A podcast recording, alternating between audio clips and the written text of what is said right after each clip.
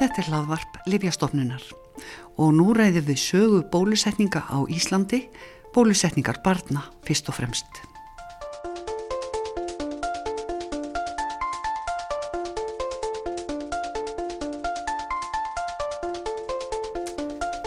Jú, bólusetningar á Íslandi en fyrst veri gott að rifja aðeins upp upphafið að þessari byltingu í líðheilsumálum, framtak frumkvöðulsins Edwards Jenner. Ég rætti við Harald Brím, fyrirnandi sóttvarnalækni, sem þekkir sögu bólusetningana vel. Er hann sammála því að hægt sé að tala um byltingu í þessum efnum? Algjörlega þetta uh, var svo sannarlega bylting því að bólusóttin sem var bólusett gegn eh, var búin að vera mikil skadveldur og sérstaklega á stöðunum eins og Íslandi sem var einangra land og var oft mjög berskjálta fyrir bólusóttunni eins og var 1707 þegar þrýðjungu landsmanna dó.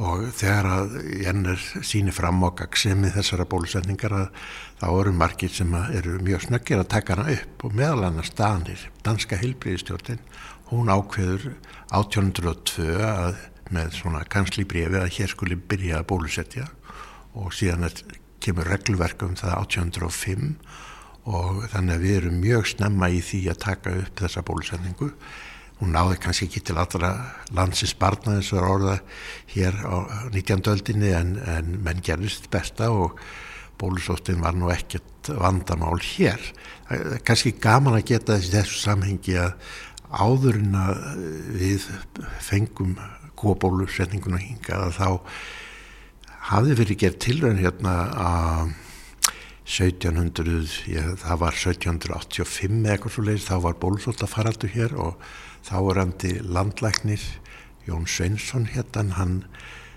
tók upp á því að bólusetja, það var þá gert með því að fá bólu, efni og bólu úr bólusótt og það var fært yfir á menn og hann gerði tilrönd með þetta hérna uh, í, í Reykjavík og hjá honum var læknanemi sem að hétt uh, Sveit Pálsson. Og hann hreifst mjög að þessu framtæki Jón Sveinsson Arlandagnis og sendi pappa sínu norður í Skagafjörð bólefni til þess að bólusetja þar. Og það vildi nú þannig til að þá barst bólusótti norður og ammaður var mjög reyður þessu. Og það var til þess að, uh, Sveit Pálsson lagði ekki í að fara í próf hérna vegna þess að ammaður var pródómari og fór til Danmörkur og fór þar í lagnanám og náttúruvísindi og hann tók eh, próf í náttúruvísindum og var eh, mjög framalega í, í náttúrufræðum hér og, en hann tók aldrei læknapróf en var samt settur landlæknir einhvern tíman en, en þetta er svona skemmtileg saga til hlýða við þetta Hvernig var annars þarna eftir að Jenner kemur þessu í svona fastan farveg þetta með kúabólu setninguna gegn stórubólu uh, hvernig, hvernig var þessu tekið? Var fólk almennt til í að láta að bólusetta sig? Já, það var, það var nú gert en, en það var gífulega anstað sérstaklega uh, á, í Brellandi eða í Englandi og uh, það voru hópan mannar sem að börðu skegg þess og töluðu um það þessi bólsetning gerði já, geti breytt mannum í kýr og kýrvæðingu. Það var til myndir af jennir það sem er að bólsetja fólk og það sem að nautgripi bara spretta út úr fólki.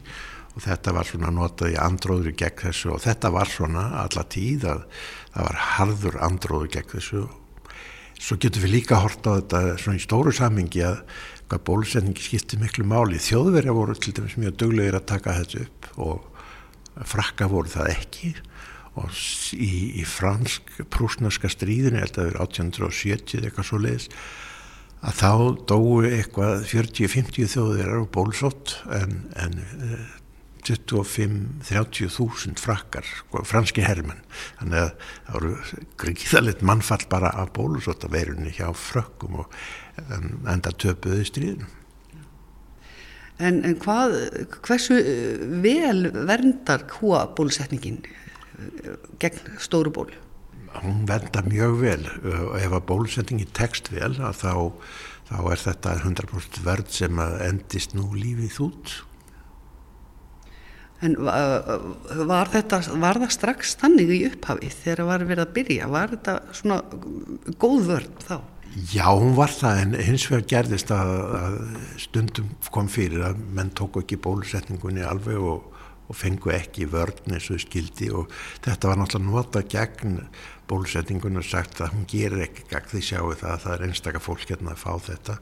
En þá var það sem að eh, Lewis Carroll sem að er nú frægur Ritöndur skrifaði mér að Lísi Undralandi var meirið það, hann var líka starffræðingur og hann fór að benda á þetta. Það þýðir ekki að taka bara þessi fáu tilfelli sem koma hjá þeim sem eru bólusettið við verðum að skoða þá sem eru óbólusettir og þar eru flest tilfellin og hann benda á mann, er að horfa þetta í þessu samiki við þekkjum þessu umræði í dag stoltið að mann er að benda á það að þeir sem hafa fengið bólusetning gegn COVID er jafnvel að fá COVID en maður verður að hafa þeir huga að það er miklu algengar að mann fái COVID eru óbólusettir þannig að þessi umræða þá hún ávið í dag líka.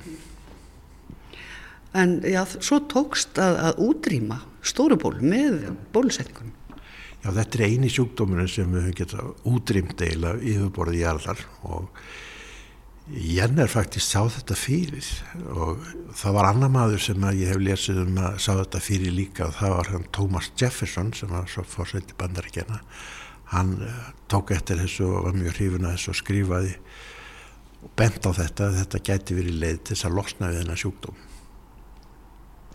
Þannig að það, þetta, já, er þetta eini sjúkdómurinn sem í raunni hefur verið útrýmt þá af smiðsjúkdómum eða almennt? Já, við má segja það almennt bara. Þetta er, þetta, þetta er smittsjúkdómur og, og við hefum getað útrýmt honum með bólusendingu. Við erum komið langlegina með því að útrýma mænusótt eða löfmannaveiki og það gengur doldi treylega og það er vegna þess að það er ákveðin svæði í, í Míðausturlöndum og Östur Afríku þar sem er ófríður og kannski tortrygni og annað sem gerir það verkum að við erum ennþá að sjá löfmannaveiki tilfelli en það er, það er góðar horfur á því að við getum útreymt þeim sjúkdómi líka. En uh, það fer ekki að gerast fyrir en hvað uh, við byrjum 20. aldar að, að það fara að koma fleiri bólefni var ekki, var ekki svolítið byð á því að kæmi eitthvað næst? Jú, það, það er algjört það er bara uh, kúa bólusetningin sem er ásviður þanga til snemma á, á 2000 öldin að þá förum að fá bólefni gegn öðrum sjúkdómum sem við notum í ungbarnabolsetningun og þá kemur fyrst keikostinn og síðan kemur barnaveikin og stífkrampin og svo framvegis og framvegis. Og núna þetta má segja að þetta sé búin að vera í veldisvexti fjöldi bólefna sem við höfum tiltæk núna. Við höfum við vonumst til þess að við getum bækt frá eða jáfnvel útrýmt sjúkdómum eins og mislingum og rauðum hundum en það hefur ekki tekið sér skildi og það er bara vegna þess að ungbarnabólusetningin í heiminum er ekki alveg í lægi og, og við erum ennþá með póka af fólki sem er næmt fyrir þess og heldur þessu við við sjáum þetta líka í hópi manna með viss trúabröð sem að trú ekki á bólusetningar og vilja ekki láta bólusetja og, og það geða verkum að það er mjög erfitt að ná þessu markmiði. Það er nú ekki mjög langt síðan að bast, já, svona uh, lítill mislingafaraldur hingað til hans. Nákvæmlega við, því miður eigum, megum búast við því að fá tilfelli inn í landið en þá segjum við að ok, við getum tekið á móti þessu og við fáum kannski eitt eða tvö eða þrjú tilfelli hérna en það verði ekki fleiri, það er vegna þess að við erum með þetta hjarðónum við erum svo döglega að bólusitt okkur sjálf hér þannig að, að það kemur í veg fyrir að þetta verði farsótt hérna hjá okkur volandi Ég sá uh, yfirlit í læknablaðinu hven, hvenar uh, tiltengið bóluefni voru tekin í almenna notkun já. og já, mislingabólusetningi byrjar 65 en rauðu hundarnir er ekki fyrir 1977 þegar ég held að það væri miklu lengra síðan. Já, það er, það, það er nefnilega ekki lengra síðan en þetta. Þetta er, en að því hún nefnir og rauðu hundana þá, þá kannski myndi ég aðeins vilja segja nokkur orðum það. Og og þú nefndir árið 77 þá tóku við bólusetningu gegn rauðum hundum og það var gert með ákveðinu aðferð sem er, er mjög svona snjöll má segja, þar að segja við við hérna látum bara rauðhundana ganga. Þar að segja að við erum ekki að reyna að bæja þeim frá en við vonustu þess að sem flest börn fái sjúkdóminn því að hann er ekki hættulegu fólki þannig laga sko, þetta er auðvitað líka menn veikir í hýta og svona. En tilgangurinn er náttúrulega að verja fóstrin svo þau verði ekki fyrir skada og þá er best að sem flest ungbött fái rauða hunda hugsun við og, og síðan mælu við. Og það síndi sig að svona 15% af börnum eða stúlkum sem voru orðina 12 ára sko, þær voru ekki með mótefning gegn rauðum hundum og þá bólusettu við þann hóp til þess að verja börnin. En og þessi aðferð, ég man, ég var í Svíþjóð þetta kom upp og þetta vakti aðtikli þar og menn voru að ræða þetta var góð aðferð hjá okkur og, og, og hún er það. En, en þegar að framísótti að þá ákvaðu flertar, alla þjóður í kringum okkur að reyna að bæja þessum sjúkdómi frá. Og þá var þetta, þannig að við gáttum ekki verið að láta rauða hundaganga hérna og allir aðri vildi fá það burt? Það var líka þannig að þegar að rauðu hundar gengu hérna þá náttúrulega var mikil handagangur í öskinni það allar konu voru mjög órólegar og það var mikið ringt inn á rannharstofunar er ég með mótefni, er ég ekki með mótefni?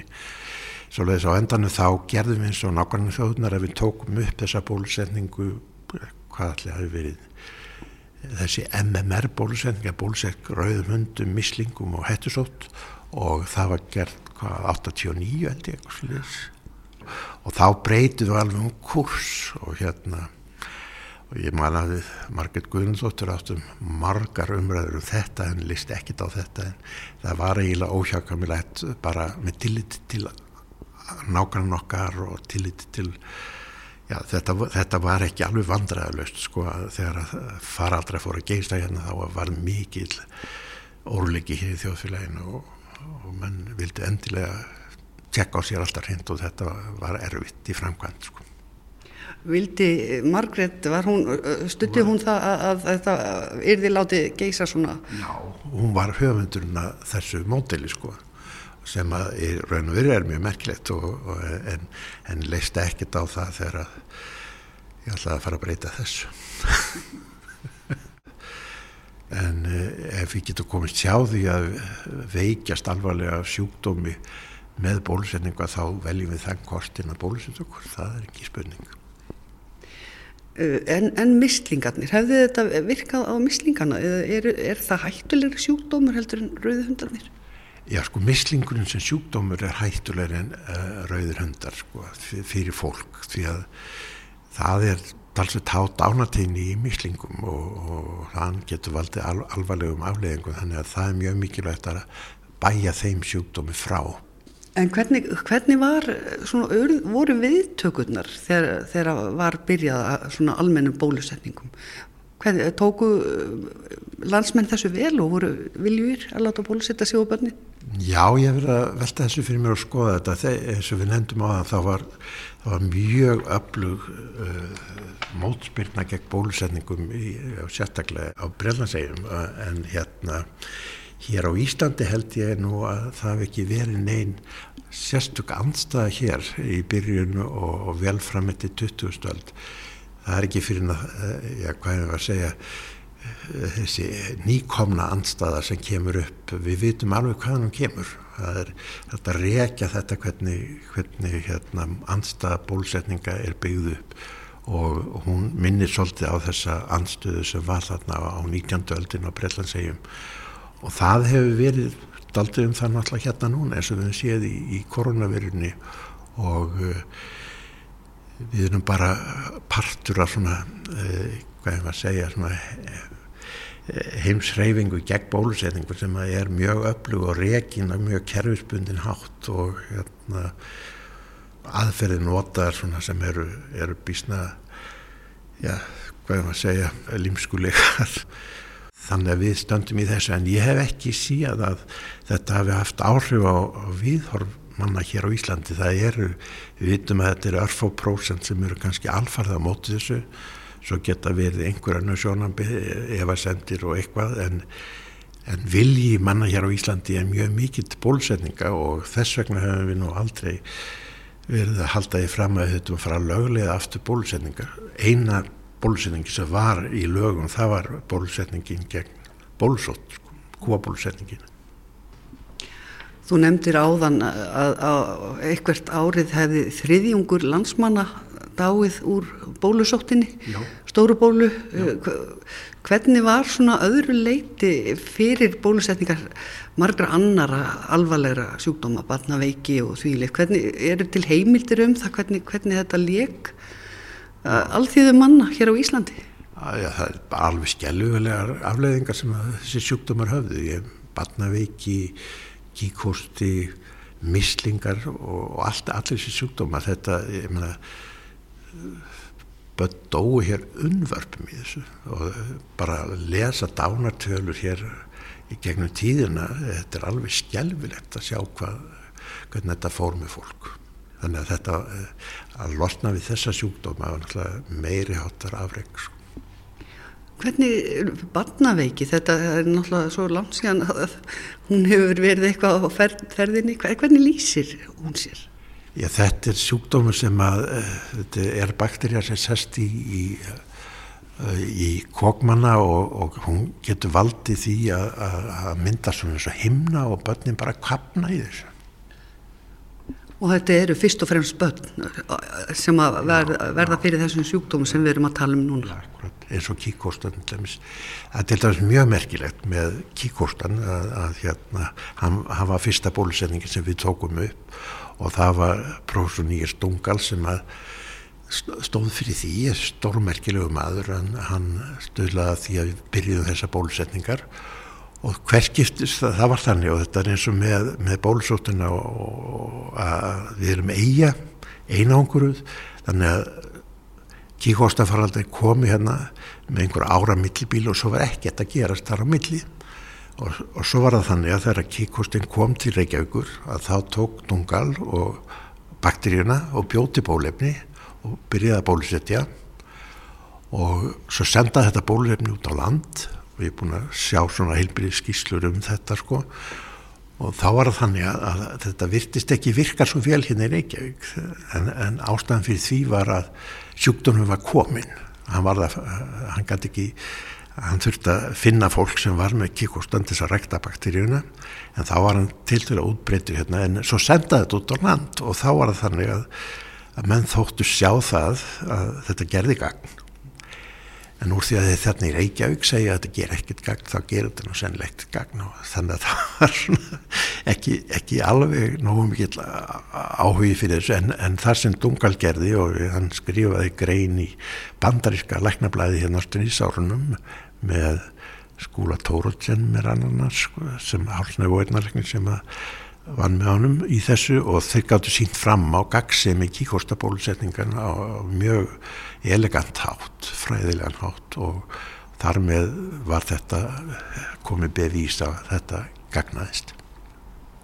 Svo eh, er bara ekkert mjög langt síðan að, að að hérna bólefni gegn öðrum sjú, alvarlegum sjúkdómum eins og ja, meningakokka síkingu og, og HPV hérna leghálskrabbaminsveiran Það er alveg rétt við höfum fengið fleiri og fleiri bóluefni sem við höfum tekið upp í ungbandabólusetningunni og, og þú nefndir hérna sjúkdóma það er til dæmis tókum upp bólusetningu gegn eh, heilahunum bólgu af völdum bakterjur sem heitir hemofils influenza B það dói hér alltaf nokkuð bönn úr þeim sjúkdóma hverju ári og það gekk svo vel að, að þessi bakterja hún bara kvarf úr samfélaginu sko, og hérna við höfum ekkit séð af henni lengur. Og svo nefnir við þarna heilahunum bólgu af völdum meningokokka.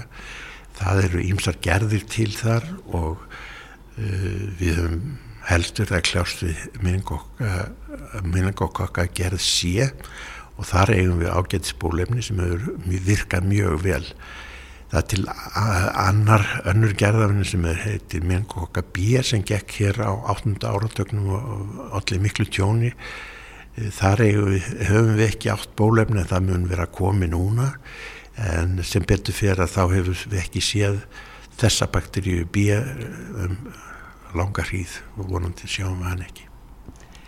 Þetta uh, lagðist aðalega þessi heila heimnbólka á börn og, og, og ungmenni, er það ekki? Þetta eru, þetta eru börn og ungt fólk, já, táning á svo liðis, það er, hún getur svo sem lagst ákvöld sem er en, en það er, það er alveg rétt, þetta er barnasjúkdómur, mjög slæmur og, og gott að losna við hann. Svo er, er hérna bólefni gegn pneumokokkum, það eru Eh, bakteríur sem valda eirnabólgum og geta valdið alveglegum svíkingum og eh, það, já, allir verið 2011 sem við tókum það upp og það hefur gefist mjög vel, það hefur dreyið úr sjúkdómum að völdu þessara bakteríu. Haraldur Brím læriði sín fræði í smittsjúkdómum í Svíþjóð, var fyrst í Eskilstuna en lengst af í Stokkólmi. Að námi loknu kom hann heim það var í áslokk 1982, fekk enga vinnu til að byrja með og þegar ég kvái dálítið hissa, segir hann eðlilega skýring á því. Smittsjúkdómalækningar séu spítalafag og þarna var engin staða laus. En svo komst hann í vinnu þremur mánuðum síðar og hefur ekki vantað verkefni eftir það. Hann var sóttvarnarlæknir á árunum 1998 til 2015 og hefur eftir það sendt ímsum sérverkefnum. En hann saði mér frá leið sem var farin í Svíþjóð varðandi kíkósta þegar hann var nýkominn þanga til náms. Leið sem var frábriðin því sem flestar nágranna þjóðir fóru. Því ég kom til Svíþjóðar eh, 1975 að þá voru svíjar nýbúinir að taka þá ákveðin að hætta bólusetti eitthvað kíkósta. Jú, það hafi verið einhver reyfing þær í gangi að þetta bólefni gæti verið skalegt og best að vera ekki að bólustið með því og, og gera þá hlutir öðruvísi og, og þá að niðurstaða svo að, að bólustið ekki heldur að gefa uh, krökkum síklari sem fengu kikkostan og það er, rétt í sjálf sér það drefur bakteríun að það drefur ekki afleiðingarnar en það sem er hóstinn sko. Og það þegar fyrstu árminn þannig í Svíþjá þá, þá var maður upp fyrir axlir sko að vinna við það að, að sinna börnum með kíkosta aldrei síðan áður og þetta var mjög sérstætt en, síðan fengum við náttúrulega góð bólöfni gegn e, kíkostanum og þá var Svíþjóðið mitt nota sem tilraunaland því að það var ekkit bólöfnin í nótkunn þá gættu prófaði mis bólöfni og sé hvernig þið virkuð En síðan inn í nútíman Haraldur hefur fylst vel með því sem hefur verið að gerast í tengslu við COVID-19 farsóttina og segir frá því hvernig sótvarna yfirvöld hafa lengi búið sig undir að takast á við alvarlegan heimsfaraldur. Heldur betur, þetta er auðvitað alla þessa tíð sem ég vann sem sótvarnalæknir og endar árunum áður því ég vann hjá landlækni mikið sem ráðgjafi, þá var þetta mikið um, þessi, um þennan málaflokk þannig að það sem það er búin að gera það er að búa sig undir alvarlega heims alvarlega heimsfaraldur. Og svo þau voru nokkur hérna sem að við vorum með svínaflensuna sem var hvað 2009 og við vorum með SAR sem kom upp hérna og síðan var mikill óttið um að fá mjög alvarlegan influensufaraldur eins og fugglaflensuna og þetta, það fór mikið tími að undibúa þetta allt saman. Hvernig við myndum bregðast við? Og maður, þetta er eins og maður sé að skrifa leikrit sko. Mm. og síðan er, er, er síningin farin að stað sko. Og, og ég sitt bara út í sal og horfi á sko. Hvernig þessu framfindur En þetta hefur gert að verkum að, að, að hérna, það voru til einhverjir svona verkferðlar og áætlanir um hvernig ætti að takast á við hugsanlegan heimshald faraldur. Já, já, það, það er kjarni málsins að, að það verður búið að vinna mjög stíft í þessu já, alla þessa öld sko þessa 20. öld, já uh, Hefðir haldið að væri hægt að, að, að framleiða, koma fram með bóluefni gegn þessari SARS-CoV-2 veirum með svona fljótt?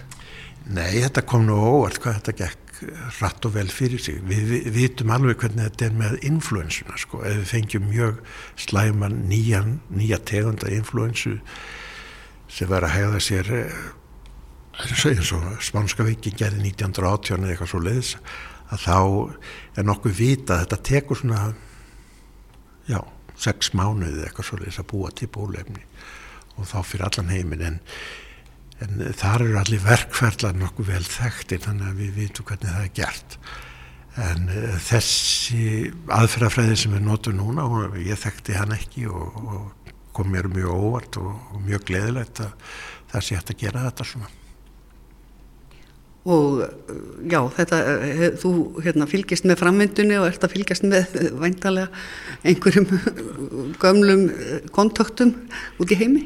Já, já, það er, þetta er nú allt saman fólk sem ég þekki vel sem við um, hert af og, og já, já, það menn skiptast á góðunum og svona, en nú siti ég aftursættinu og reyna að halda mig til hljás. Hvað heldur og hvað hefur þú séð um, um hvernig hérna, örfunar bólusetningin virkar? Já það sem ég hef verið að sjá svona þá, þessi, þá virkar hún mjög vel sko. það, hún, hún dregur mjög úr líkunum á því að maður fái sjúkdómin og ef maður fær hann þá er hann ekki eins alvarlegur og það er nú reyndin og svo er maður að heyra það núna að þessi örfunar bólusetning hún geti jafnvel virka gegn þessum þessu nýjasta afbreyði verunar, þetta Omikron og vonandi dregur það mjög úr því að menn veikist ítla allavega. Þannig að þetta er alveg gömul sá og ný að jáfnvel þó að fólk sé bólusett þá eru einhverjir sem að geta vikst af sjúklónum sem var bólusett fyrir. Já, það er, vissu það sko, við heyrðum það, bóluefni virkar í 90, 95% tilvika, þá er þetta með þarna 5-10% það virkar ekki á sko, þannig að, en yfirleitt á það nú að duga til þess að við fáum þetta hjarðónæmi sko, en við erum ekki að sjá það ennþá í þessu. Viltu eitthvað spá fyrir um hvenna við komumst út úr þessu? Ég held að það sé bara ég, ég hefði nú haldið að við værim að komast út úr þessu núna en það er nú ekki alveg þannig og, og menn hafa nú verið að benda á það að það er svo stór hluti heimsins sem er enþá óbólusettur þannig að veran hefur þarna auðvöld sem hún getur grasseraðum og hérna það getur komið í baki á okkur auðvitað.